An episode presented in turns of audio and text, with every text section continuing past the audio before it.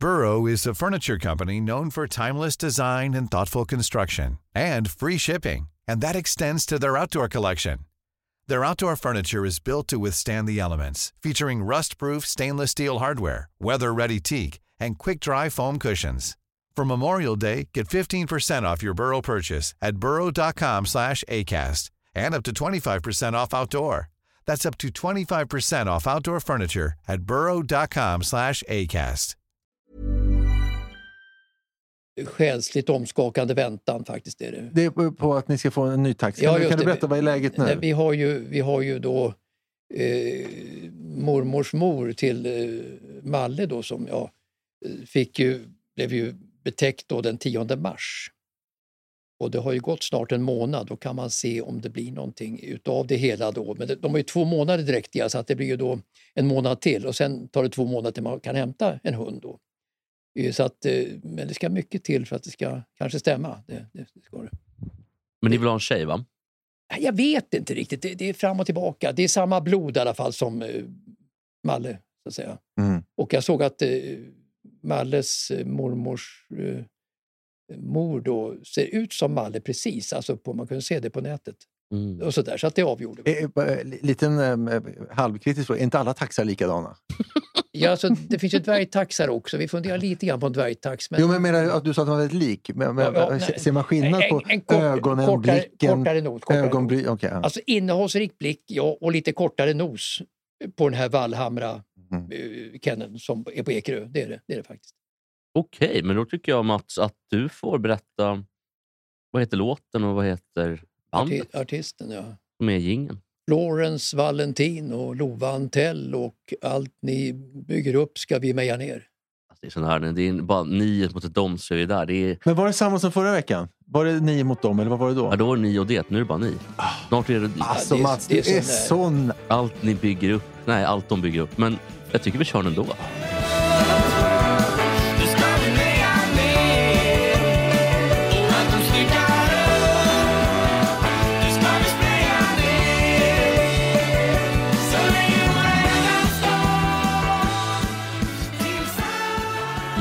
Ja, hörni, en vecka har förflutit och då är vi här igen.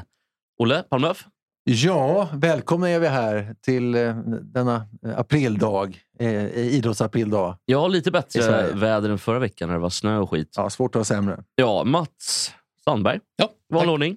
Tack, tack. Hur känns det tack. att vara här? Ja, det känns eh, underbart jag. Det, det känns underbart och eh, vädret blir nog bättre och bättre. Och vi hör också att taxen kommer närmare och närmare, Jag, hoppas jag, vi. jag är ju en mycket känslig, eh, känslig man när det handlar om hundar. Det har jag alltid varit. Och vi har haft tre taxar i mitt liv och eh, för några veckor sedan så gick, tog vi bort eh, Malle, då, 15 år, vilket jag tog fruktansvärt hårt. Mm. Det är nog bland det värsta som har hänt i mitt liv, förstår du, av sorg. Alltså, ingen snackar om det och det är tre och en halv vecka sedan. Eh, Så att jag, jag, och min fru vi grät och grät och grät hemma. När vi kom hem då, det var så tomt. Så Känns det lite bättre nu? så Ja, alltså, jag, jag har svårt att prata om det fortfarande faktiskt. För att Han var så fruktansvärt nära mig. Han var med mig överallt överhuvudtaget. Så vi hade så otrolig connection, jag och den där hunden, under så många år. Så att, att ta bort honom, det var fruktansvärt hårt. Får man, annat? eh, får- förlåt Olle, här, men Ja. om man får eh, i eh, hypote eh, den hypotetiska världen, Mm. man får göra en liten kul, eh, eller kul, rolig och kanske sorglig jämförelse. Eh, om du får välja då, för att jag vet ju vad jag hade valt. Eh, en dag till med Malle, eller en natt med Giselle Bündchen. Vad hade du valt Mats? alltså, eh, när, jag, när jag säger då en, en dag till med Malle så innebär det något enormt för jag vill inget hellre än att ha en natt med Bündchen. Alltså, du förstår vilken dignitet. Ja, jag hade valt dagen med Sludo. Ja. En annan sak jag funderar på, något som också är bortglömt, och det är också, Gösta Knutsson hade ju Pelle Svanslös som figur. En figur som Pelle Svanslös hade, som jag tycker var lika bra som Pelle Svanslös, eh, som är helt bortglömd, det var ju taxen Max. Som inte hade några öra va? Ja, men precis. Eller var det två öron? Nej, det var ett öra som ju. bortbit av en annan. Ja, Kommer du ihåg taxen Max? Absolut, absolut. Jag kommer Gösta Knutsson ifrån, Svag figur, ifrån, Nej, Upps- stark ifrån, figur. ifrån, ifrån Uppsala. och Det, så att han var ju en, en säregen människa med otroliga utförsgåvor naturligtvis, eh, den Gösta Knutsson. Så jag kommer ihåg de eh, figurer som vi pratade om. Ja, det var synd om taxen Max. Vem var det, så- vilka andra figurer var det man glömde i den här julkalendern sen? som var med, eller var alla med? Så, Mulle från... Murre från, sko- Murre från Skogstibble. Han var ju med, Murre var ju med. I, Ja, det var ju Brasse Brännström som spelade. Gurran av Arkadien. Hon var också med i julkalendern. Ja. Och så såklart Bill och Bull och, och Måns. Och sen den här eh, Fröse-Frasse. Ja, precis ja. Det var Just lite det. kaxig. Ruben Ja. Salamander spelade honom. Var det så? Ja. Vem var gammelmaja Domkyrkotornet? Oj, hon var, jag vet inte, jo, hon var nog med. Det var en riktigt gammal kärring bara. Ja, Men jag tror att Gullan och Fröse-Frasse knullade. ju. ja. Det Ruben. Salmander, länge sedan man hörde talas om Ruben Salmander. Ja, men han var ju den, ja, han var den coola, tuffa. Vad gör han? Vad gör han? Ja, vad gör han? Jag tror han lever. Han spelar mycket teater tror Ja, jag. han, lever, han är så mycket äldre än... Ja, han är äldre än dig. Ja, är ja, jo, men han inte är är mellan dig och Mats skulle jag säga. Ja, det skulle jag också säga. Däremot så tror jag att han spolar in rätt bra på såna här Är, privatteatrar. är han exakt med mig? Jag måste kolla det. Jag tror det. Han gör ju mycket säkert sån här spanska flugan och sånt där. Mm. Tutsi kör de ju nu igen också med, eh, med Robert Gustafsson. Det jag läst. Sånt Ja, är han med och ja. Ja, ja. Eh, Jag ska bara säga så här om hunden då, att eh, vi vill ju ha en samma blod som Malle som gick bort. Jag vill ha det i alla fall. Och eh, den eh, mormors mor till eh, Malle, Malles mammas dotter, dotter, dotter eh, blev dräktig den 10 mars. Eh, Så att det tar två månader innan eh, förhoppningsvis då en kull valpar dyker upp och sen tar det två månader till man kan få Sa du mormors mor blir dräktig? mormors... Alltså, För Jag, jag drar kopplingar till, alltså gamla, ja, alltså, ja, ja, till drottningmodern i England ja, som dog för fem år sedan. inte sånt där. inte- skulle bli dräktig. Ens, Elisabeth, Men, men, men, men det är dottern till dottern till dottern. Och, Domkyrkomaja. och, sådär. Så, att, Ja, så att eh, vi skulle kunna hämta eh, den nya valpen då i början på eh, i juli, i sommar. Eh, och sådär. Så att det, det, det det, är målet. Men när man samtidigt då ställer sig in på saker, att det här kommer att hända, så brukar det ofta gå snett. Liksom. Saker som är lyckosamma är inte ofta en planerad grej. Utan så jag är lite rädd ändå att någonting ska gå snett i den här Ja, processen man får fram inte, man får inte jinxa. Vad hette de här som var Peter Settman och vad hette hans par? Fredrik Granberg. Fredrik Granberg. Ja. Han var ju, det, det här är riktigt hemskt. För de skulle få tvillingar, det här är säkert 25 år sedan. Eh, och då så köpte de eh, eh, dubbelbarnvagn, de inredde ett rum och allting. Alltså Fredrik Granberg. Ja, de alltså, som man säger, jinxade, som jag tror de säger nu. Och sen så blev det ju, eh, eh, gick det inte bra vid födseln så barnen dog. Man ska inte köpa för mycket såna här grejer. Man ska Men ofta, inte, ofta funkar det ju så att eh, man, man, man tror för mycket att det här kommer att bli så och så och så. Då går det ofta snett, tycker jag. Men det ska få en rolig syn av mig. Jag fick fick en sån jävla bild i huvudet. Bill och Bull, en i varje på Maja från Domkyrkotornet. ja, vi går vidare. Eh, Jag har lite grejer om eh, OS här. Och vad passar bättre än att spela en liten grekisk bit då? Eftersom olympiska spelen kommer från är det evangelis? just Grekland. Vad sa du? Är det evangelis? Det är det inte. Det är en annan låt som heter så här. Cause I would die for you. Look into my eyes and say it's true. Really, I could never lie to you. Ja, det där är alltså I would die for you med Antik. Just det. Som kom- Anthony Quinn, var inte han grek? Ja, kanske han var. Ja, Ja. eh, det är Sex, möjligt. sju barns far. Om, du, om, om, om inte mer om han från början hette Antonius Quintonius eller något sånt där. Ja, något sånt där, ja. det- Anthony Quinn fick En ju- det- stor frodig grek då som hade många barn. Fick ju kullar uppenbarligen av barn. Ja, mycket det. barn. Men det här var alltså Antikve med Helena Paparizou och hennes kusin eller vad fan det var.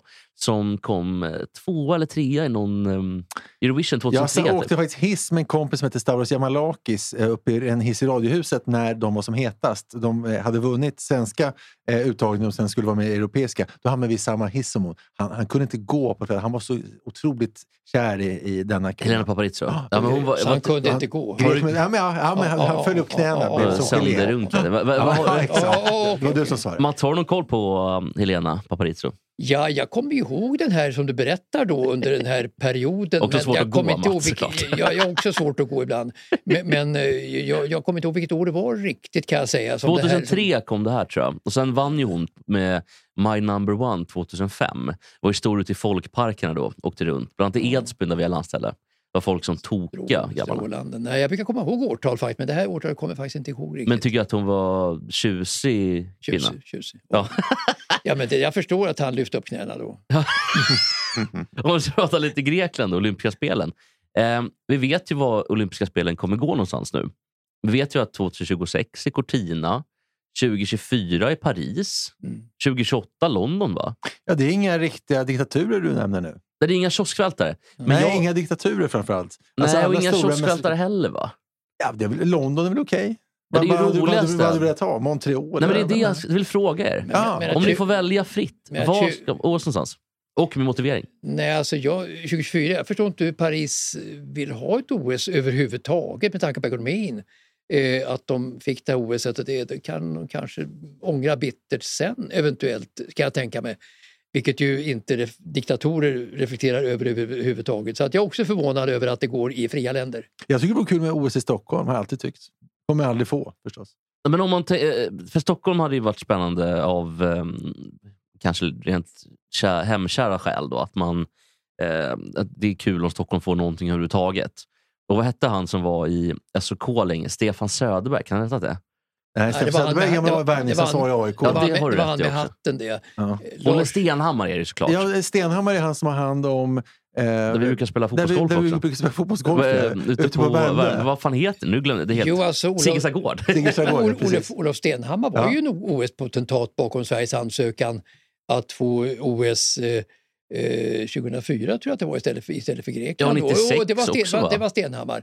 Eh, och, eh, det, men det märkliga är ju att Sverige aldrig har fått något i modern tid. Något, eh, vi hade ju sommar 56 då, delvis med hästar. Och men är, vi är inte korrupta, vi mutar inte folk. Precis så är det. Ja. Vi, får inga stora, vi får inga stora myndigheter från EU heller. Vi får inga toppjobb inom EU fast vi betalar så fruktansvärt mycket pengar. Och vi, får, vi får heller inte tilldelade någonting internationellt överhuvudtaget just Nej. därför att vi inte mutar folk. Vi är så otroligt tillits... Eh, det nordiska guldet, tilliten finns i Sverige. Ja, men han får det så meningslösa stället som en sån här fredsavdelning inom FN som Stefan Löfven får. Bara för att han är sämst och ingen vill ha det. Ja, men så är det ju. Jag var också Ylva Johansson är någon jävla hälsokommissionär. och Hon sånt var, fick ju sparken som migrationsminister Ja. i EU faktiskt. Ja, det är också- ja, nu är hon hon, är för- mer- hon är för- mer socialt nu. Men, Hon är för dålig. Hon är för Hon, hon dålig. älskar Liverpool. Jag, eh, hon, hon eh, var ofta på en krog som låg nära där jag bodde. Hon satt med ett gäng alltid och höll på Liverpool mycket. Men hon var väl också tillsammans med Erik Erik Åsbrink. Åsbrink, ja. Så var det. För att Åsbrink inte kunde hålla snoken innanför brallorna och Ylva inte kunde hålla benen i kors så att säga. Hon kunde heller inte hålla partifärg. Hon var vänsterpartist från början. Just det. Sen så Och var det bättre karriärmöjligheter inom sossarna, så blev det så. Men, men hon, är väl en av om vi ska vara tillåts prata lite politik, en av de kanske mest klassiska vänstersossarna som överhuvudtaget existerat. Det finns ju inte så många. Det är väl ju kanske Mona Hon Sahlin. har väl ändrats en aning, Ylva, kanske från de här tidigare åren. Och det är så att hon är kanske mer en mittensoss. Inte riktigt, kanske lite till vänster om mitten. Det, är- det är hon nog. Veronica Palm är väldigt vänster. Om man ska jämföra Ja, med... hon är- Ja, Hon är en av få som kanske är dummare än Ylva Johansson. Ja, vi, vi lämnar. Alltså, Veronica, Veronica jag kommer Palm- inte framstå som Veronica trevlig. Palm fick, fick, fick, fick avgå. Alltså, Veronica Palm var ett rött skynke för mig. Så var Ja, hon men hon har ju fortfarande pension från riksdagen. kommer ha det i sitt liv. Hon kommer aldrig ha ett nytt jobb. Veronica, Veronica Palm.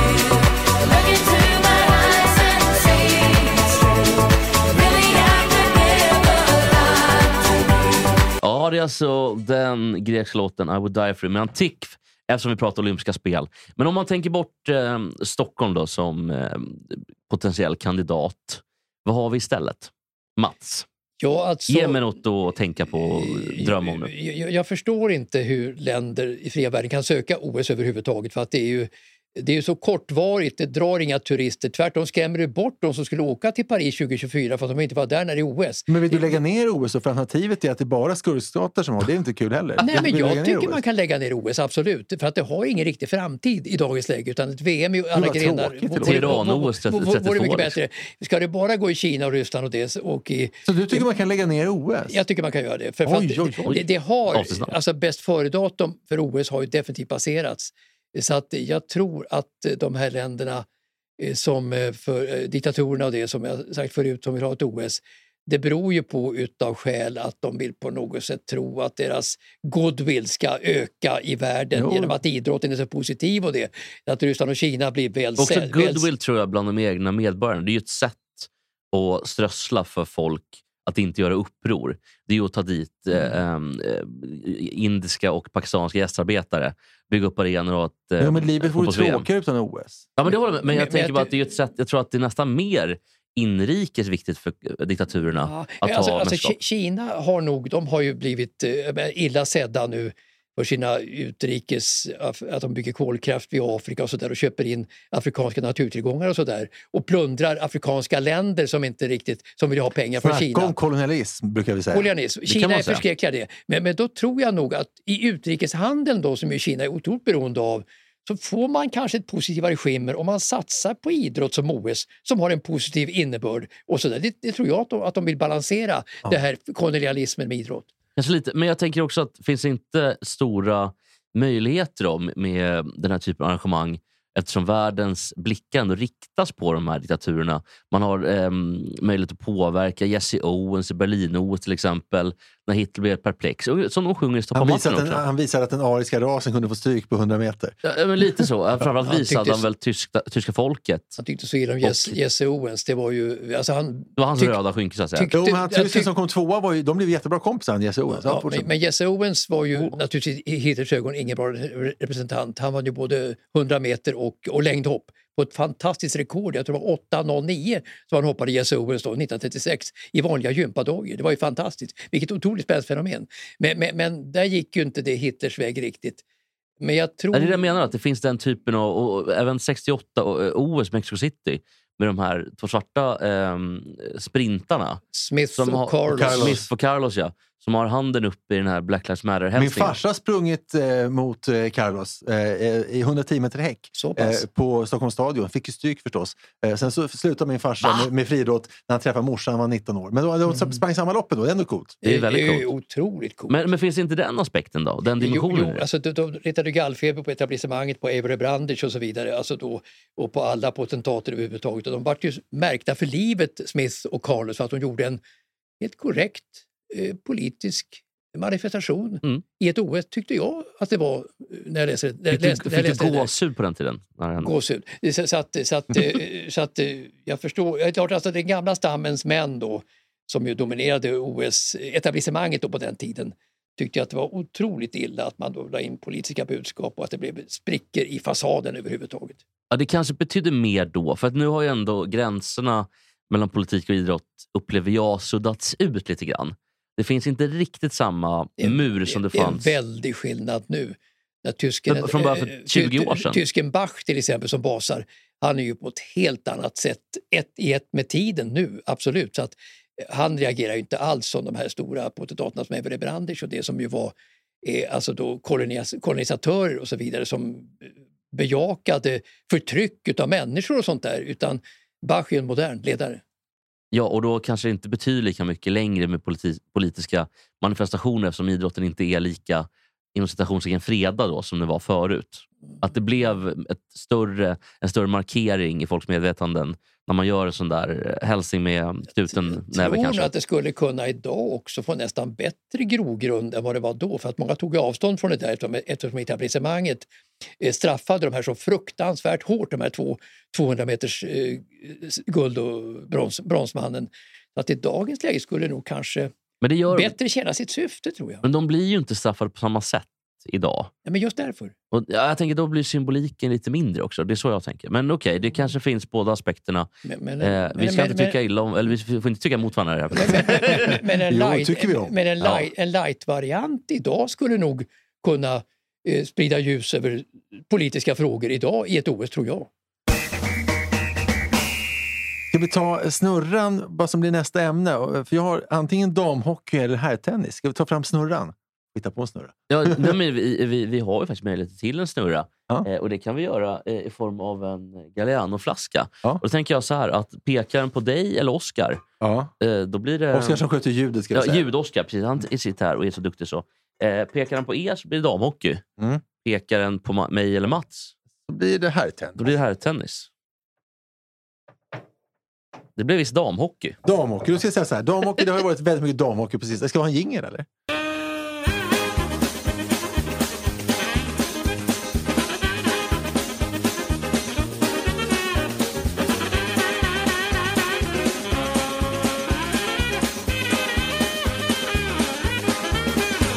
Eh, ja, eftersom Oscar är en PKista tror jag mått mätt sitter han här och skakar på huvudet åt att jag lite sådär förnumstigt satte på Benny Hill-jingeln när det gäller damhockey. Mm. För det är ju en katastrof till sport. Det var kort och koncist. Det var, SM har avgjorts precis. Det var en finalserie mellan Brynäs och Luleå. Och sällan har väl något evenemang eh, bevakats så mycket av tv-sporten som denna damhockeyfinal. Eh, ja, men de, alltså, det toppar ju sporten varenda jävla kväll. Och, eh, och, och, och det är också så här, Men det är ingen och, annan som toppar. Det är väl därför det blir så. Ja, antar men jag. då är det så, och, och, men jag har kommit på ett knep. Alltså, för jag ofta blir jag förvillad för de säger inte vilket kön det handlar om. Eh, och då, när de inte gör det, så då visar det sig att det är alltid damhockey. Men gör de det, då säger de, eh, då säger de SHL eller säger de herrar. Då förstår man att herrar. Men säger de ingenting, då är det damer. Ja. Eh, det är liksom, Mats Nyström går i bräschen för det här. Den ängsligaste av dem alla.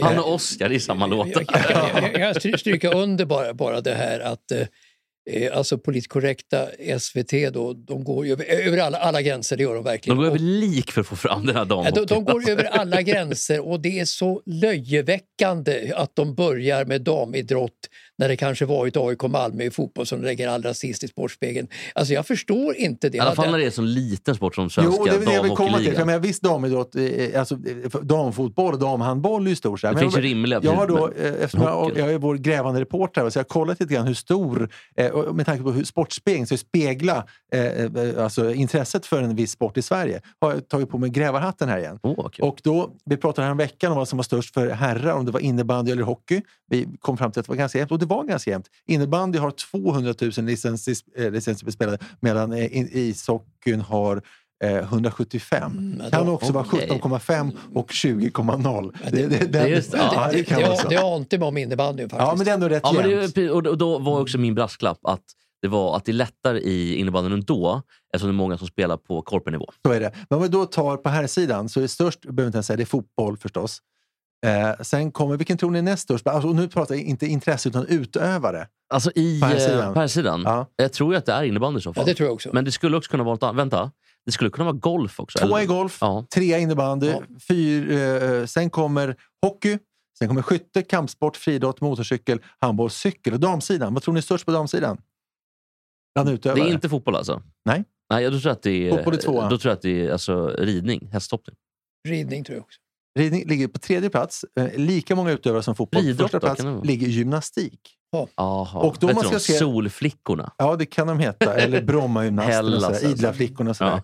Ja. Eh, och eh, här ligger alltså inte ens... Eh, eh, hockey ligger på här sidan ligger alltså fyra. På damsidan så ligger det inte ens på tio i topp. Eh, och herrarna har ungefär, eh, siffror för 2017, de senaste jag hittade, har eh, kanske ungefär 70 000 licensierade tävlingsspelare. Damhockeyn har kanske 6 000. Och om man ska gå till hur det ska spegla, då ska det alltså visas minst, sex, eh, minst 10 gånger så mycket gymnastik, eh, damgymnastik som damhockey i SVT. Och det gör det ju inte. Och det gör det inte. Och man, Alltså, man alltså, tänker, men, 6 000 låter väldigt mycket tycker jag för Ja, damhockeyspelare det har- det i Sverige. växt mycket senaste det låter tiden. jättemycket. Ja. explosion Ja, av det får man antal. Men det är väl också alla licensierade eh, deltagare, Jo, eh, men visst alla är det nivåer. Men jag tänker så. också att eh, intresse är också jätteviktigt såklart, hur många som tittar på det. För det är inte så många som tittar på gymnastik misstänker jag. Nej, men, eh, men återigen, om man då tittar på en vanlig, eh, det heter ju inte elitserien då, men dammatch i hockey. Finns, det finns ju fler som spelar än som tittar. Ja, det, pre- precis, jag skulle komma till det också. Det finns ju ingen som tittar på SDHL heller. Ja, det är möjligtvis Oscar tittar kanske. Luleå Hockey, han blir, han blir sur här i bakgrunden. Men eh, det är alltså svenska damhockeyligan då, som är SDHL. Ja. Och det är ju ett... Eh, nej men det jag håller med, det är ett sorgebarn det här. Det är ett sorgebarn. Men det Och- det är också en bragd tycker jag att de kan vara så lågt rankade internationellt tycker jag som svensk damhockey är. Alltså världskonkurrensen är ju jätte, jättesvag och ändå misslyckas laget att hävas upp på världsrankingen och misslyckas i ja, det är som herrbandy skulle komma tia när Ja. Ryssland inte är med. Ja, det är en bragd. Det finns Borde få liksom, bragdguldet. vet du vad, det, Ja. för att citera Petter Lemark, det finns inga det här överhuvudtaget. Ja, bara men det beror ju på eh, tv-sportens chef, eh, hon Åsa. Åsa Edlund. Ja, som ju kommer från Övik och har en dotter som spelar. Men det, det, det är alltså, återigen, det är aktivism, det är inte journalistik. Men det, är, tycker vi ett, inte om. det är väl ett det är- haveri, var det inte det? Men det Det är är svårt, i Sverige är det svårt att säga emot det där. Alltså börja snacka om att det här med damidrotten eh, ska vi nog st- strypa och så vidare. Det går nästan inte i offentligheten att göra det idag för att det får så mycket mothugg. Jag menar, överallt nästan. Jo, men det Eh, kan, det, jag tycker att det är bra. Jag tycker damfotboll till exempel är jättebra, för det, det är ganska stort. Men just damhockey är inte stort. Nej, jag håller med. Jag håller med. Men att, att säga då att eh, tv-sporten prioriterar damhockey väldigt mycket. Det är få som, eh, eh, som tycker att det är fel, tror jag, utom vi då. Ja, men precis. Nej, jag tror- säga det. Nu tror jag egentligen att hela Aftonbladets redaktion, hela Express redaktion, kanske också hela FTs redaktion tycker det egentligen. Men man är under så hård press. De får inte, de får Nej, inte de säga inte. det i offentligheten helt enkelt. Det vet man ju att- Alltså, vissa saker får man inte säga i Sverige. Så är det Som, ju. nej, men som man har hört på, om man ska vara lite alarmistisk då. ehm, Det ska vi vara här. det kan vi absolut vara. Vi, vi tillåter oss. Ja. Eh, som det har varit på SVT, på, um, som till exempel Jan Olsson har berättat. Att du kan inte säga att du inte är vänsterpartist. Eller att du skulle rösta på Centern. Det ska man inte säga ändå. Men, men, att, men att man röstar höger. Va? Säger de då i korridorerna på SVT. Röstar inte du Vänsterpartiet eller Miljöpartiet? Ja, det, det, det handlar om värdegrund, Jesper. Ja, det är värde. Ja, men då är det Värdegrund. värde. Nej, men ja. liksom, men i, värdegrund. i, i, Ja, amerikan, har- i amerikanska val så fick, man, man fick inte säga någonting om en republikansk kandidat i amerikanska valet, att någonting var bra. Och så snackar vi inte om Trump eller Reagan. Om det var en konservativ kandidat fick man inte i media, i offentligheten i Sverige säga något positivt ord överhuvudtaget. Nej, Varför? Det blir ju inte så objektivt kan jag tycka om man har, eftersom det ändå är typ 70 som, eller 60% på SVT som hävdar att de är miljöpartister. Så är det nog. Det, det, det, det skaver lite grann tycker jag i alla fall. Att det, Det-. Att det finns den uppdelningen. Apropå damidrott så tycker jag bara en, en rubrik som jag också vill ifrågasätta lite grann. Det här kom för kanske två, tre veckor sedan. Det var så här. Marta korsbandsskadad var nyheten. Vore inte nyheten snarare Marta spelar fortfarande fotboll? Jag menar, Ja. Hon vann ju, hon vann ju motsvarande i Champions League för 20 år Ja, sedan. men det är med så här, Umeå. Turbo-Magnus korsbandsskada. Jaha. Vilken, vilken Men, sport men då? jag vet inte, alltså, är Marta aktiv fortfarande? Det är, ja, min, det är min fråga. Hon är, hon är min 36 fråga. år, vilket var mycket mindre än så. Jaha, jag trodde hon var Okej. 50. Ja, ja, precis, det är Vilket, vilket lag Ja, spelar hon hon spelar i? USA, men hon är alltså, det var det som var nyheten. Korsbandsskada nu, så nu vet vi det. Men gud, vad, vad vilken... Ja. eh, Jag tänkte på Janne Josefsson där. Jag Jaha. undrar ibland, alltså Janne Josefsson och Marta då. Eh, Alltså Janne, Gamla teamet. Kommer Janne, ni som har koll på TV, kommer Janne åter här med någon serie om grävande journalistik eller är han borta för gott? Nej, han är, han är Jag borta. tror att han är borta. Han har gått pension och det tycker han är tråkigt. Nej men han sa ju det att jag har ledningens stöd här att jag ska göra flera sådana här ja, typ Uppdrag Ja, han har inte granskningsgrejer. ledningens stöd längre. Han har inte det. Nej, han har inte det. Jag tror också att efter Alla mot alla, eh, så jag tror inte att folk faktiskt litar på honom längre. Nej, han, pratar är berg ett grundämne? Ja. Han, han gjorde ju det här... Han har gjort bort sig han, fullständigt. han, han, han var för mycket mer i, på Renés brygga hör, i TV4 ja, det och också. bredde ut sådär, vilket ju väcker SVT otrolig harm. Ja. Ja, det är en, vi talade lite grann om sekter förut. Djurgården Hockey, AIK och och Djurgården Hockey-publiken eventuellt. Kanske lite spetsat, men SVT är väl också lite spetsat i så fall. En sekt. Får man säga. Du som ändå har jobbat på SVT och du också Mats. Ja. Mm, mm. Jo. Ja. Ska vi gå vidare? För det finns lite annat att avhandla Ja, kul också. kör något som du har. Jag har ett, ett ämne till, det här som blev bortsnurrat nu, herrtennis. Det kan vi Ja, ta men då också. kan vi väl lika gärna... Ska vi snurra igen då? Eller? Ja, det får, Så att du, det du stannar på herrtennis. Vi tar fram snurren igen. Snurra inte. Och då har ju, nej, precis, det var en liten, eh, man kan säga att det var lite maskat den förra snurrningen. Eh, men då gör vi om snurrningen och då gör vi snurrningen med den här låten.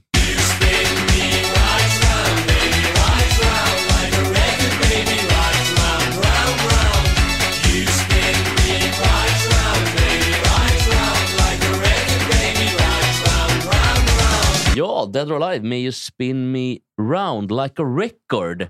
Då snurrar väl jag Gallianon här och Ja. pekar på någon, alltså Mats, Oskar, Jesper eller Olle, Ja. så blir det Den pekar på- herrtennis. Den pekar på mig ja. nu säger jag. Den pekar på Olle. Ja, men vad Då bra. blir det Då, då vill jag börja. Det är nämligen så att eh, två av tennisens största har ju precis gjort comeback. Och då vill jag prata lite hur, hur det kommer gå för dem.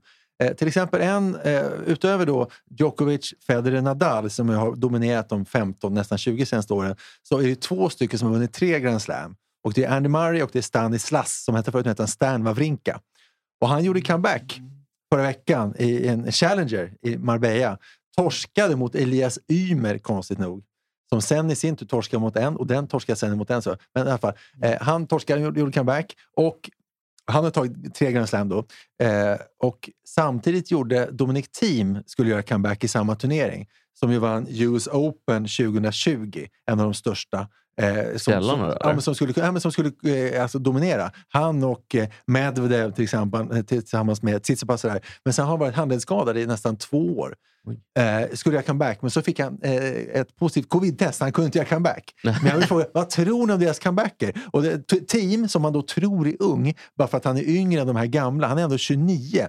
Wawrinka är, tror jag, 35, 37. Åh, herregud. Kommer de lyckas eller inte? Alltså Dominic Thiem eh, tror jag är alldeles för vek som spelare.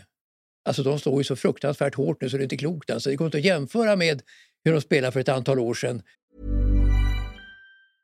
Mother's Day is around the corner. Find the perfect gift for the mom in your life with a stunning piece of jewelry from Blue Nile. From timeless pearls to dazzling gemstones, Blue Nile has something she'll adore. Need it fast? Most items can ship overnight. Plus, enjoy guaranteed free shipping and returns. Don't miss our special Mother's Day deals. Save big on the season's most beautiful trends. For a limited time, get up to 50% off by going to BlueNile.com. That's BlueNile.com. Burrow is a furniture company known for timeless design and thoughtful construction and free shipping, and that extends to their outdoor collection. Their outdoor furniture is built to withstand the elements, featuring rust-proof stainless steel hardware, weather-ready teak, and quick-dry foam cushions. For Memorial Day, get 15% off your Burrow purchase at burrow.com slash ACAST and up to 25% off outdoor. That's up to 25% off outdoor furniture at burrow.com slash ACAST. Det är det som Mar- Mikael Ymer torskar på, att han slår inte lika hårt som de andra i eliten. Faktiskt. Elias Ymer, hur slår han hårt? Nej, Han är sämre än han, han, är sämre, sämre. han är sämre överlag, så att säga. Han Men, har, men team, är- team är ändå kanske världens vackraste backen, 28 år bara. Så att, Oh, eh, vad, vad är det som får dig att tro att han inte kommer klara det? han, är, han är för vek, tror jag. Han har inte potentialen att eh, gå långt. I, han är ju jätteduktig naturligtvis och den här Grand Slam-titeln han tog var ju fantastisk. Men, men han kommer inte att höra talas om sig för att eh, det går mot hårdare och hårdare och hårdare tennis eh, varje år tror jag. Så att hans tid, eh, det, den, den rinner ut tror jag Ja. i, i sanden. Också som för Mikael Ymer faktiskt. Men, men däremot den här Wawrinka som ju är så pass, eh, som har en underbar backhand. En, en Ja, fantastisk båda de här två har ju faktiskt kanske världens vackraste. Ja, fantastiskt. Speciellt Wawrinka som ju i Paris häromåret gjorde fantastisk sensation och eh, spelade med sin raka backen som jag verkligen älskar att titta på. Men Alltså. kan Wawrinka ändå få problem? Jag tänker att 37 år tillbaka, få stryk i en Challenger. Ja, av Även en om- svensk som heter Ymer. Det, Ja, det, det ska väl. Och även, om man, inte bra. även om man är långtidsskadad, för vilket han har varit misstänker jag. Eh, man brukar ändå ha kvalitet nog att kunna komma tillbaka rätt snabbt och framförallt vinna en Challenger. Ja, men det är svårare och svårare Ja. att komma tillbaka för att det går fortare och fortare. Tempot ökar något enormt. Inte bara i fotboll i Premier Leagues topp utan också inom tennis så, så ökar tempot hela tiden. Mm. Så tappar du ett, ett, en, en period utav spelet så är det mycket tuffare att komma tillbaka idag än vad det var för ett antal år sedan. Där själv, själv det tekniska spelade större roll. Nu är det mera fotarbete faktiskt som spelar roll. Tappar du lite i fotarbete i tennis så är du helt borta. Mm. Men, men så är det då. Men då innebär det att vi alltså, att dömer ut. Eh, team kommer inte komma tillbaka. Eh, 29 år, han, han är för vek och kanske för gammal. Wawrinka 37, som vi bör tillägga, han har vunnit alltså US Open, han har vunnit franska, han har vunnit australiska, han har inte vunnit i Wimbledon. Det är otroligt stort under denna era. Vilken late bloomer det var den här Det var Wawrinka. Aha, ja. Han var ju ingenting till han liksom skrällde i Paris då har jag för mig. Och jag menar under, för att han var mellan 15 och 25 år var han ju ingenting. Och sen vart han ju otroligt bra, vilket är ju väldigt märkligt faktiskt. Men jag tror att ju, mer, ju äldre du blir så får du allt mer problem med tempot. Är du borta ett tag så är det otroligt svårt att komma Då vill tillbaka. fråga Jesper, då, rätt eller fel eh, Mm. att Stanislas Wawrinka bytte namn till Stan Wawrinka? Rätt eller fel? Eh, har han bytt namn i passet eller har han bytt namn? Jag tror han bytte namn i passet.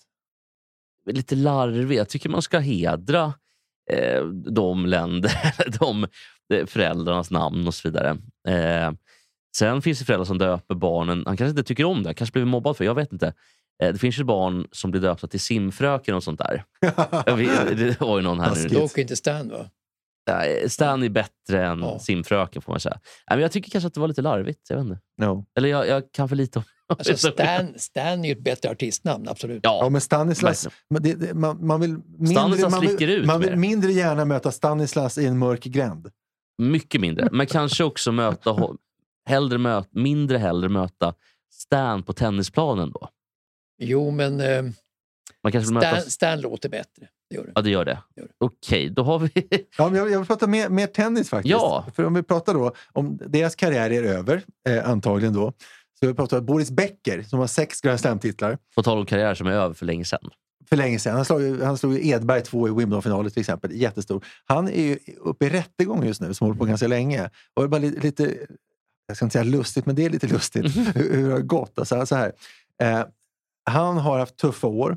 Han, stod, han har haft en stor förmögenhet förstås. Då. Han har försvunnit efter misslyckade investeringar. Håll i nu. Han har investerat i den västafrikanska energimarknaden Ja. och den indiska stålindustrin. Vil- Vilka rådgivare hade han där? Ja, skulle ni satsa i de branscherna? Alltså det finns ju enormt mycket pengar att hämta. Ja, stålindustrin i Indien kanske, men inte det förstnämnda. Nej, Nej. men det är också, problemet är väl kanske inte själva industrierna och den eh, eh, vad ska jag säga, potentialen som ändå finns. Det är ju det vad som händer på vägen. För att pengarna hamnar nog hos krigsherrar och... Och kanske också Xi Jinping i Kina. Om Ja, liksom precis. Och liksom moderna maharadjor i, i Indien. Så att det kanske inte är jag hade satsat främst på. Nej, men, Ja, nej. kanske, kanske Indien ändå. Men jag undrar Mats, du som eh, har eh, refererat många matcher med Boris Becker, Mm. att det har gått så här, kunde, är det någonting man kunde förutse i hans sinnelag att det skulle gå åt helvete? För nästan alla tennisspelare har ju liksom förvaltat sina pengar väl, till skillnad från, alla, eh, från boxare och så här till exempel. Han var ju en nationalidol i Tyskland. Die neue Angriffswaffe von Deutschland eh, var ju i, i tv Vad 1985. betyder 1980. angri, den neue Angriffswaffe? Die neue Angriffswaffe, alltså vad det? angreppsvapen. Angreppsvapen, Tysklands det, angreppsvapen. Var ju Steffi Graf då och eh, Becker som vann eh, samma dag faktiskt på söndagen. Damfinalen blev uppskjuten på, på lördagen till söndagen. Så att där poserade Boris Becker och tyskan Steffi Graf samtidigt på söndagen med varsin Wimbledon-titel. Vilket, alltså, han vann ju 85 den första va? 85, just det. Ja, han slog Järryd i semi va? Och sen Kevin Curran i finalen. Ja, just det. Ja. Var, Sen- var det då det, det kallas det som du sa nu? Men var Graf med redan då? Kan- Nej, nej, jag tänkte 89 så, Ah, så ja. vann ju båda, det blev tysk dubbelseger i Wimbledon då. Becker vann ju herrtiteln och Steffi Ah. Graf vann damtiteln. Och det, och det var samma dag på söndagen för att damfinalen regnade bort på lördagen och sen spelades båda finalerna på söndagen. Så att det var ju en enorm framgång eh, för, eh, det hette ju Västtyskland på den tiden. Just Och sen det. gifte sig ju också Steffi Graf och Andrew Agassi va? Ja, och på så konstigt sätt. Om man läst eh, Agassiz bok, så, då, då var det så, han tyckte hon så, hade sexiga ben och via någon manager så fixade de någon, någon dejt bara. Alltså, och sen träffades de på en tennisbana och sen var de typ ihop. Det känns lite Hur konstigt. kan det hända? Ja. Jag tror att Barbara Streisand var väl hans. Jo, de, de var också ihop Ja, innan. Visst var innan hon blev gift med han eh, med en jättestor näsa. Ja, Han hade just, gigantisk näsa. just det. Men bara säga vad, vad Becker är åtalad för. Det är nio fall av undanhållande av pokaler och andra utmärkelser. Sju fall av undanhållande av egendom på mer än en och en halv miljon euro. Sju fall av undlåtenhet att avslöja egendom. Där ingår fastigheter i Tyskland, London samt aktier och ett annat bankkonto. Två fall av att ha gjort sig av med egendomar vars värde uppgår till nästan 500 000 euro och han anklagas till sist för att ha dolt en skuld på 825 000 euro. Och då vill jag tillägga en annan sak. Det var bland det roligaste, alltså jag har sällan skrattat så mycket som det kom ut. Jag tror det var Svensk Damtidning som visade ett barn som han hade fått Ja. Ja. Med eh, en, servitris. kvin- en, Servitris. en, en servitris. Ja. Och han, han, han nekade först till faderskapet och sen fick jag se bilden på barnet och då sa han okej, jag nekar inte längre. Så exakt som han själv. En liten tjej som hade rött hår. och Ja, så- men det var hon, också hon, hon, är fotomodell idag. Okej. dottern. Ja. För att hon, alltså, alltså mamman var ju li- lite, lite lätt svart. ja, Alltså, och Och jättesnygg. lite, och lite lätt Ja. på foten. Åh, oj, Ja, det det var var stäm- du som sa. Ja, stä- städerskan har jag faktiskt ingen koll på, men han var tillsammans med en kvinna samtidigt som detta. Det var det som gjorde att det var så jobbigt. Ja, det var ju hans fru. Alltså, Ja, som han varit gift med massa, massa år. Jo, men, men barnet eh, var, eh, var ju inte hans fru, som, det var en städerska. Nej, precis. Men, men han Ja. var gift med sin fru och eh, som sagt, han nekade ju jättelänge Just att det, det skulle ha hänt. det. Det Och så det. kom det där fram. Då, att Det är den, ungefär som Frans Beckenbauer faktiskt. Han var gift lyckligt Ah. i Tyskland med tre barn med en tyska som hade ett tyskt namn och så var han i Amerika som tillsammans med Belé då i amerikanska ligan där och träffade en ny fotomodell i USA och skildes och lämnade sin familj. Ja. Vad som hände sen vet jag inte men sen gjorde han tydligen en av eh, tjejerna på kansliet i Bayern München med barn också. Det var det sista han gjorde, sen fick han en hjärtinfarkt tror jag. Det låter lite som en Masken Karlsson-historia. Klassisk ramsa i, i, från, Exakt som masken. ja, Vad det Brynäs- masken då, utöver att han gjorde två mål och vände mot Finland? på typ 20, i slutet Ja. på match 86, 87 Till, kanske? fy- till 4-4, då. det var 86 ja. 86. Ja, 86. Eh, nej, masken, eh, har, det finns ju ramsa som är masken i fart barn. Ja, Okej. Så här, masken i fart till alla barnen. För att han gjorde ju en cheerleader då, som var 19 år Mm. med barn. Ah. Så, en väldigt stor Ah. skandal där uppe. Men Bra har, har, han, har han tvättat bort den skammen från sitt namn nu då, masken? Tydligen inte, vi sitter ju här Ja, vi idag. sitter här och pratar. men lite kanske. Han är ändå... Han hade ju fru också, men visade att hon var ju väldigt sjuk. Vilket är alltid sådär... Är, Alltså- det, är det bättre att vara otrogen då om, om han har en fru som är sjuk? Nej, inte, inte alls. Men eh, hon var ju så sjuk att det var liksom, hon kunde typ inte röra sig. Det var något allsliknande, alltså något den Ja. typen av. Så att han hade nog väldigt, väldigt, väldigt jobbigt. Jag kan tänka mig att det är lätt, lättare att ta dåliga beslut då. För det var ju inget bra beslut var det inte. Nej. var Det var, han, mot det var fru. han Palmes kompis som var ambassadör i Paris som hade också en fru. Som Carl Lidbom. Carl Lidbom, ja. Ja. Han eh, fraterniserade också med yngre damer när frun satt i rullstol och var jätte, jättedålig. Åh. Och fick mycket skit för det, Carl Lidbom. Med all rätt. Ja, alltså så här, jag tycker ju absolut inte att det här är något bra. Jag bara kan tänka mig att det är lättare att ta de här dåliga besluten när man själv förmodligen mår ganska dåligt. För att när man älskar sitter i rullstol och mår piss. Ja, man kan skylla på något annat. Nej, men det är ju inget skäl, tycker jag, att man mår dåligt för att frun sitter i rullstol och Nej, sen, och sen, och sen nej, fraterniserar nej, nej, med nej. andra Nej, yngre det framstod tjejer. inte bra. Nej, det var mer som jag sa, att man kunde Också- skylla på något. Jag vill också att jag Men bra värd- framstod det inte. Men eh, jag kan ändå så här, se att det är... Jag kan förstå att det är jätte, jätte, jättejobbigt för alla inblandade. Eh, och även Det är inget skäl att vara otrogen, men jag tror att det är därför man mår nog dåligt. Och då blir det som en, jag tror det blir konsekvensen i alla fall. Men jag tror kanske. det är svå- svårt för Boris Becker att stå emot och svårt för Mick Jagger att stå emot. eh, Däremot Carl Lidbom hade lätt att stå emot, tror jag. Alltså, Carl Lidbom är väl både fulare och mindre framgångsrik än både Mick Jagger och... Framförallt är han mer död. Han var, han var, han var, han var vansinnigt ful. Ja, jag tycker inte det. Det var han som blev åthutad av Anders Björk ju i, i konstitutionsutskottet. Du ska veta hut. Ska vi ta en Anders Björk-imitation, eh, Mats? Jag heter Anders Björk och jag tycker att Carl Lidbom ska besöka lära sig veta hävt. Ja, och det är alltså svensk gammal utrikesminister i Bildtregeringen. Jag skulle säga att det där var den bästa imitationen hittills. Nej, Bildtregeringen 91. I, i, förlåt. idag, idag ja. Det var, ja, idag, ja. Precis. Ja. Eh, förra veckan så var det kungen, var också väldigt bra. Men Anders Björk är väl numera någon form av eh, landshövding, eller varit i alla fall. Han var det i Uppsala. Jag vill säga, det var en rolig sak. Jag åkte, jag gjorde ett reportage någon gång uppåt i, i Medelpad och sånt där. Så åkte vi tillbaka och eh, passerade Uppsala. Så en fotograf som nu faktiskt är i eh, Ukraina och, eh, och jobbar för SVT, Emil Larsson. De säger alltid namnen nu för att de är en bragd att vara där. Ja. Just så då bad han mig, jag körde på en tid jag hade körkort, då bad han mig att stanna bilen i Uppsala. Och jag förstod inte varför vi stannade här, det är konstigt. Och då gick han ut, så gick han och så ställde han sig och pissade vid ett hus. Och då var det alltså landshövdingsresidenset där då Anders Björk bodde. Det var nyårsafton va? Nej, här, nej, det här var en vanlig vardag. Ja. Och sa, vad, vad höll du på med? Nej, jag ville bara kissa på Anders, Anders Björk. Jag tycker så illa om Anders Björk. Jag kissa. Okej. Men, vad- men på nyårsafton gjordes ju saken eh, i, i repris på pinkandet på residenset i Uppsala och Anders Björk rusade ut då faktiskt. Det var ju en stor, stor skandal. Du var ute med, eh, med vapen, vapen va? Tydligen också och hotade de som pinkade ner residenset och det. Så att det vart ju en, Ändå en, ha, en, en, halvköp. det, det, vart ju, det vart ju en affär av alltihopa. Och det gjorde de ju då alltså i Emil Larssons fotspår kan man säga. Absolut. Han som inledde, för jag blev så förvånad. Var, varför, gick du, varför kissade du där? Jag ville så gärna.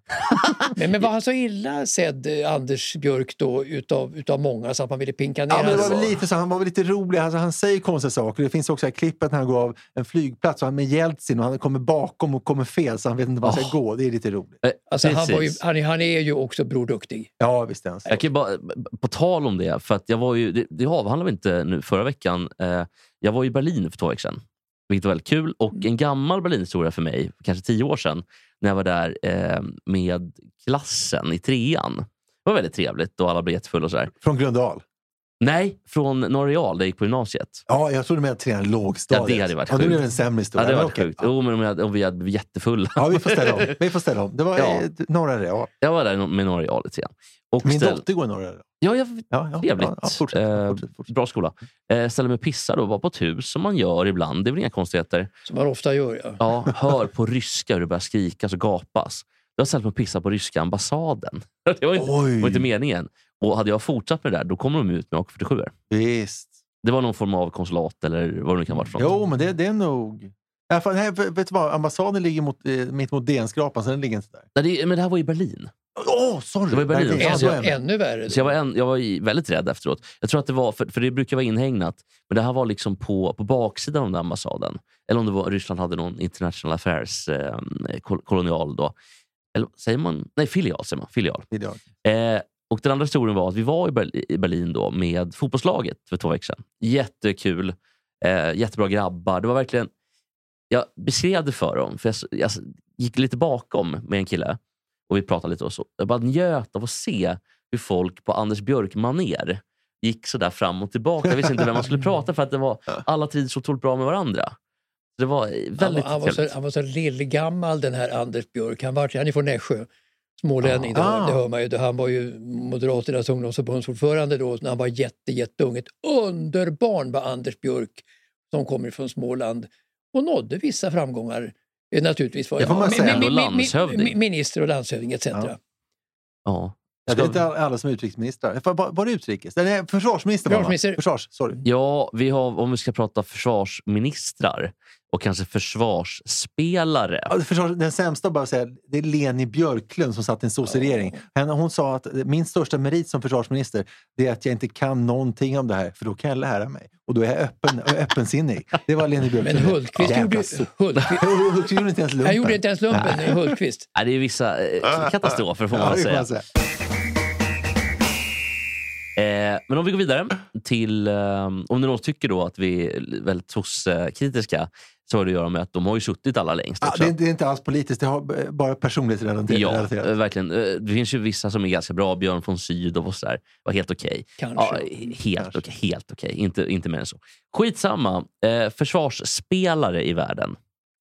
Jag måste bara få ta upp det här. För att jag är så... Hans Peter Briegel. Nej, inga mer tyskar nu. Jag- Briegel, Briegel var ju fantastisk. Ja, det var han. Och Det, det Beckenbauer är bra var... att du hakar på. Ja, det. Ja, det är väldigt bra. Ja. Nej, men han, han, han, han var ju ett, eh, en mycket speciell spelare, Briegel. Var inte, han, Ja. var inte han med på den här tiden när Göteborg tvålade till? Det kan han nog ha varit eh, när, när Göteborg... var Fast jag, på- jag tror inte just den matchen, för då hade Göteborg inte vunnit. Men, eh, Göte- nej, inte om Briegel var med. Nej. Men Göteborg var ju faktiskt på väg att vinna Champions League eller gamla Men de vann ju. Uefa-cupen då och var inte Briegel med då när de mötte Kaiserslautern? alltså, googlingsbart för folk. Mm. Ja, det får folk googla på. Eh, man borde väl kanske till och med ha vunnit 86 i eh, Europacupen mästarlag, när, eh, som nu är Champions League idag. De vann ju 87 när de slog skotska mästarna i finalen. Ja, men det var inte... Det, det var Uefa- Uefa-cupen. Alltså Uefa-cupen Ja, jo, vann de jo, två jo. gånger, men det här Ja. var ju Euro- Europacupen. Man gick till semifinal, Visst, vann med backar. 3-0 hemma. Man borde och, och trasslade till i returen. Det blev på straffläggning. Camp Nou, ja. Mm. Borde väl... För att Stoja Bukarest gick ju och vann det året med en ung Georgi Hadji i laget. Ah. Alltså, ja. Fantastisk Hadji. Så att de var ju väldigt bra. Men jag tror fan att Göteborg hade tagit Bukarest. Jag, jag tror att det, straffläggningen skulle ske, ske då på Camp Nou då i returmatchen. Och eh, då hade de 3-0 att gå på från hemma, hemmamatchen då. Och det blev straffar mirakulöst nog. Det, naivt spel av Göteborg. Eh, men då ville ju ingen, med något undantag, lägga straffen för Göteborg. Utan de flesta fegade ur och de vågade inte. Nej, det var Torbjörn Nilsson inte vågade slå den, eller var det tid? Ja, det, var, det var då. Det var då. Ja. Så, så att de fegade ur och det är inget bra tecken. Sällan bra tecken att folk... Man ser ofta också på straffläggare. Sverige har ju en ganska eh, tråkig tradition av straffar. Vi har åkt, de enda straffarna vi har åkt, haft har vi åkt ut på. Bland annat mot ehm, Holland som det hette Holland då. då. Ja, de bästa straffläggarna, är det- alltså, stämmer det som Thomas Brolin säger att han aldrig har missat en straff? Har han slagit en straff? Frågan. Jo, han slår jättemånga straffar. Ja. Han, har satt dem. han säger att han tittar i ögonen på målvakten och inte på bollen. Eh, och jag, jag vet att han har sagt i alla fall att han aldrig har missat. Jag, men samtidigt inte Det kanske, inte. det, det kanske finns någonting där då. Men det jag ville prata om. Men, men gjorde han, alltså 2004 mötte ju Sverige Holland då i, i slutspelet i EM då och hade jättechanser att vinna så var det straffläggning och då ville ingen slå straffarna heller för Sverige i den matchen. Eh, Nej. jag minns inte riktigt hur det gick till, hur Sverige lyckades förlora den straffläggningen. faktiskt. mot vilka sa du? Mot, mot Holland. Holland, Jo, det, det. var, det stormatchen. Det är absolut. Zlatan missade vad en Sverige var bra. Ja, det året kanske vi fan borde ha vunnit nästan. Absolut, absolut. Det ska jag säga, att det är, när, det är det vi har varit närmst att faktiskt gå... Eftersom Grekland gick och vann Ja, skiten. precis, vi hade precis. aldrig torskat mot Grekland i final.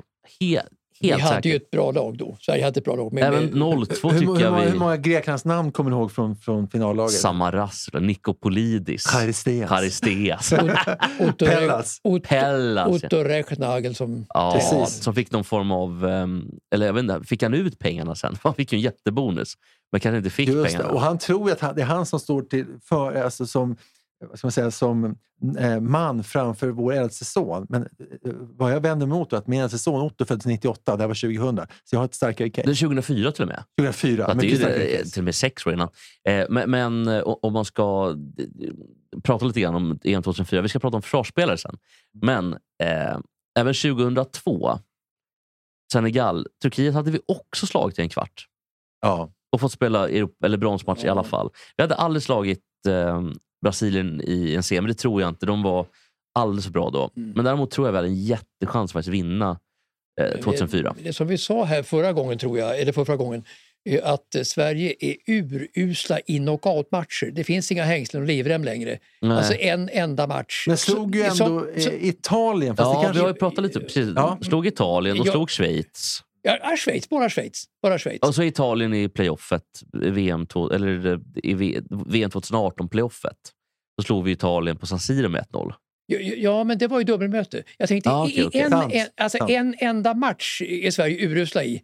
Mot Holland då, 2004 till exempel. Det finns ju massor exempel på. Och Senegal framförallt 2002. Hur vi kunde förlora den matchen, det är ju en bragd. Tyskland Men- men- 2006. Ja, till, till exempel. Då var tyskarna bra. Men alltså, när det handlar om bara en enda match, som vi såg här nu mot Polen till exempel, en enda match, då går det jättesnett för Sverige. Alltså, vi har inte psyket och inte mentala delarna på plats för att kunna vinna en match där Det som spel. emot det var att vi slog Tjeck- Tjeckien eh, några dagar före. Ja, absolut. Och Schweiz, Schweiz också. Jo, Schweiz. Men här handlar det ju om det ultimata målsnöret, Visst. alltså mot, mot. Polen då.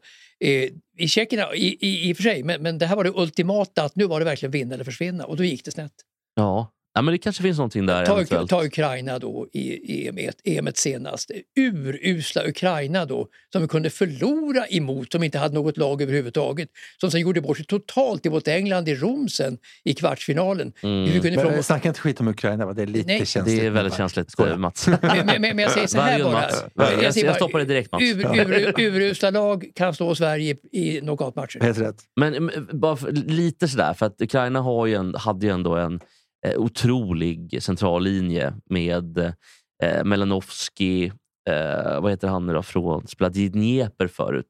Eh, Konu, eh, Koluplianka. Ja, det, Det här är googlingsbart för alla. det, alla får googla. Eh, man hade en fantastiskt bra, eh, bra central linje framåt.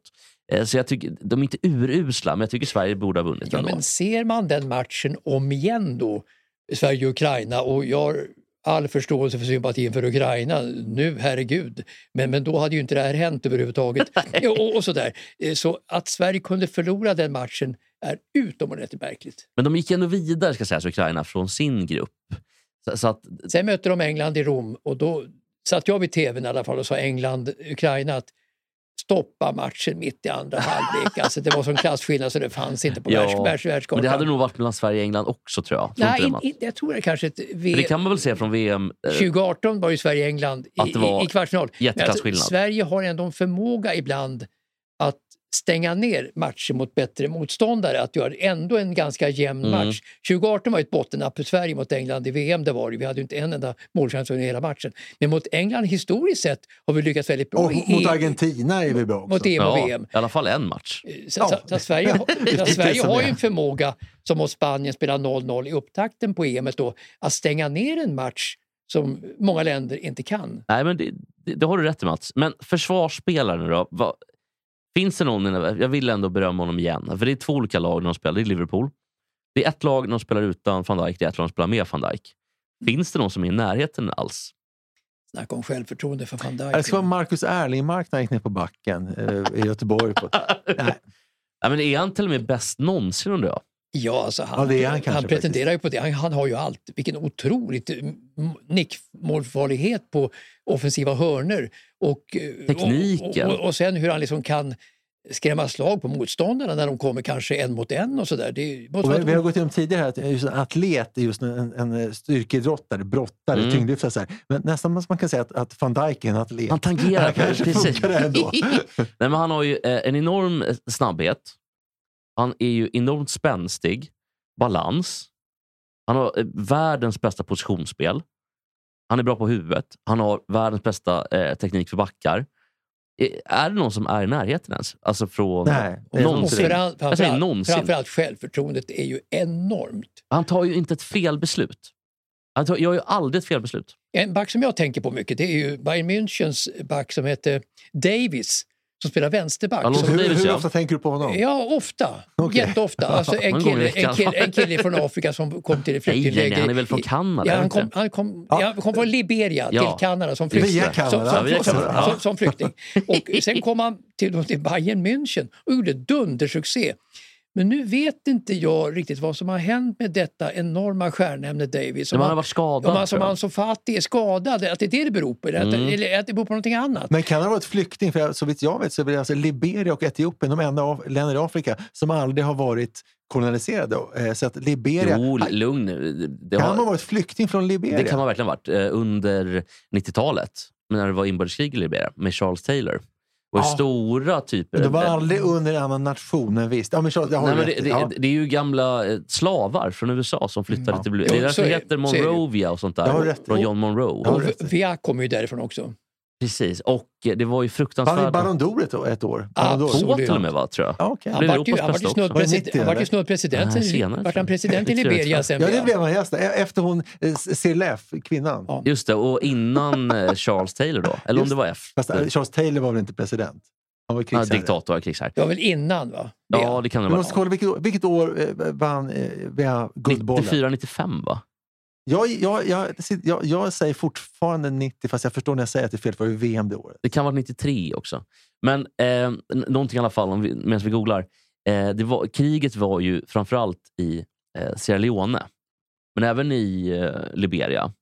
Och det är där, Den här filmen Blood Diamond handlar ju mycket om den. 95! Det var 95? Ja, Ja. ja, sorry. Ja, tack gubbar. Det var efter, mellan VM och EM-år. Då vinner ju alltid en... eh, De har chans att ge en afrikan Precis. eller en eh, asiat. Ja, eh, de som inte behöver ta ansvar Mm. för sitt landslag. Nej, precis. Eh, för det såg ni väl nu med Salah, på tal om afrikaner som inte tog ansvar. Eh, han missade ju straffen. Ja. Avgörande. Storstjärnan missar alltid straffen, så är det. Sen fick han Ja. inga bollar heller utav sina medspelare. Nej. Det var, ju, det var ju en oorganisation som var enorm tycker jag överhuvudtaget i Afrikanska mästerskapet som är hyllat som ett bra mästerskap. Men matcherna var urusla. Det ska också sägas det med Salah att han hade ju en helt fruktansvärd anstormning av den här gröna lasern i ansiktet. Ja, jag hör- hörde det. Alltså, När han skulle fruktansvärt verkligen. slå Ja. straffen ja. Ja, det var bland det värsta jag sett. Ja.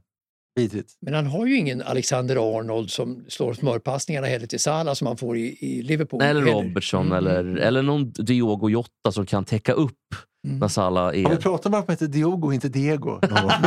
Det var förra året. När det snöade så mycket. Nu är det ju ganska bra väder här ute. Nu är det fint. Sol, Vad så konstigt att vakna upp och heta Diogo. Ja. Varför heter, varför heter inte Diego? Det var, och din jämförelse var, det är som att heta Patrik och... Ja, exakt. Vad smart sagt Exakt Var, var det du som sa? Ja, vad bra. Det, var inte, det är väl samma som att heta Petter och Peter. exakt, ja. eh, nej men okej, så att vi hittar ingen som är lika bra som van Dijk nu då? Det är väl Nej, Beckenbauer kanske? Ja, Petter Larsson, eh, AIK. Vad heter han då? Tidigt 80 tidigt 90-tal. Texas Andersson i Ja, Halmstad. här killar. Micke Nej, Svensson. Petter Larsson var aldrig så bra, faktiskt. Han var bättre va? Vad hette han som var, gick från Sundsvall till AIK till eh, Norrköping? eller vad det var? Jan Andersson. Ja, just det. Jag vill bara säga en udda kunskap här. Jag vill säga att Peter Larsson eh, spelade för AIK ett tag när han kom tillbaka från, eh, från proffslivet. Och Janne Boklöv eh, var ju eh, världens bästa backhoppare ett tag. De bodde samtidigt i en enklav, till, i en enklav i Hässelby som heter Backlura. Så var de nästan grannar. Det är en mycket, Oh. mycket smal kunskap. Petter Larsson och Janne Boklöv var grannar Men det är en period. viktig kunskap samtidigt. Ja. Janne Bo- Bo- Boklöv som var tillsammans med Jannik Björling va? Nej. Nej, Vad det, hette hon det som är var tillsammans? Lång, mil därifrån. Var Björn Björn var tillsammans med Björn, Björn Borg. Borg också ja. Men det var, Var var inte, den, var inte hon ihop med Sting också? jo det kan han vara. Men vem var det som var tillsammans med Janne Boklöv då? Ingen. det var, han stammade nog fram någonting i alla fall. Okej. Grejen var väl att han stammade. Det var som eh, Jo, det var- Honken. Honken stammar ju också. Han spelar mycket på Solvalla, Honken Holmqvist. Ja. Så att han hann ju aldrig liksom lösa de här i förloppen så, så stammar ju så mycket så han hann inte få fram vilket häst han skulle spela, spela, på. Och så stängde de luckan. Och så vann den hästen han tänkt att spela på. Ah, Nej, vad då fick vi sluta med en imitation. Ja, och klassisk eh, funkofobi. Ja, det är kul. finns ingen värdegrund här inte. Nej. Eh, hörni, eh, tack för en underbar, eh, tack för ett underbart avsnitt. Igen. Tack själv. Vi gjorde det! Mats, Olle. Jag undrar, Mats framförallt, förutom ett tack till er. Vad heter låten vi ska gå ut på? Vad heter Den heter bandet? ju Florens Valentin, herr Love Antell och Det här kommer aldrig gå bra. eh, allt ni bygger upp ska vi meja ner. Eh, Var det rätt? vad, sa vi? Allt ni bygger upp ska vi med ner. sa vad sa du, Mats? Allt vi bygger upp ska ni med ner. Allt, eh, allt, eh, allt de bygger upp ska vi meja ner. Ja, men det är, inte, det är inte sant. Det är inte möjligt. Var det rätt? Det var rätt. Nej! Det var rätt. Otroligt.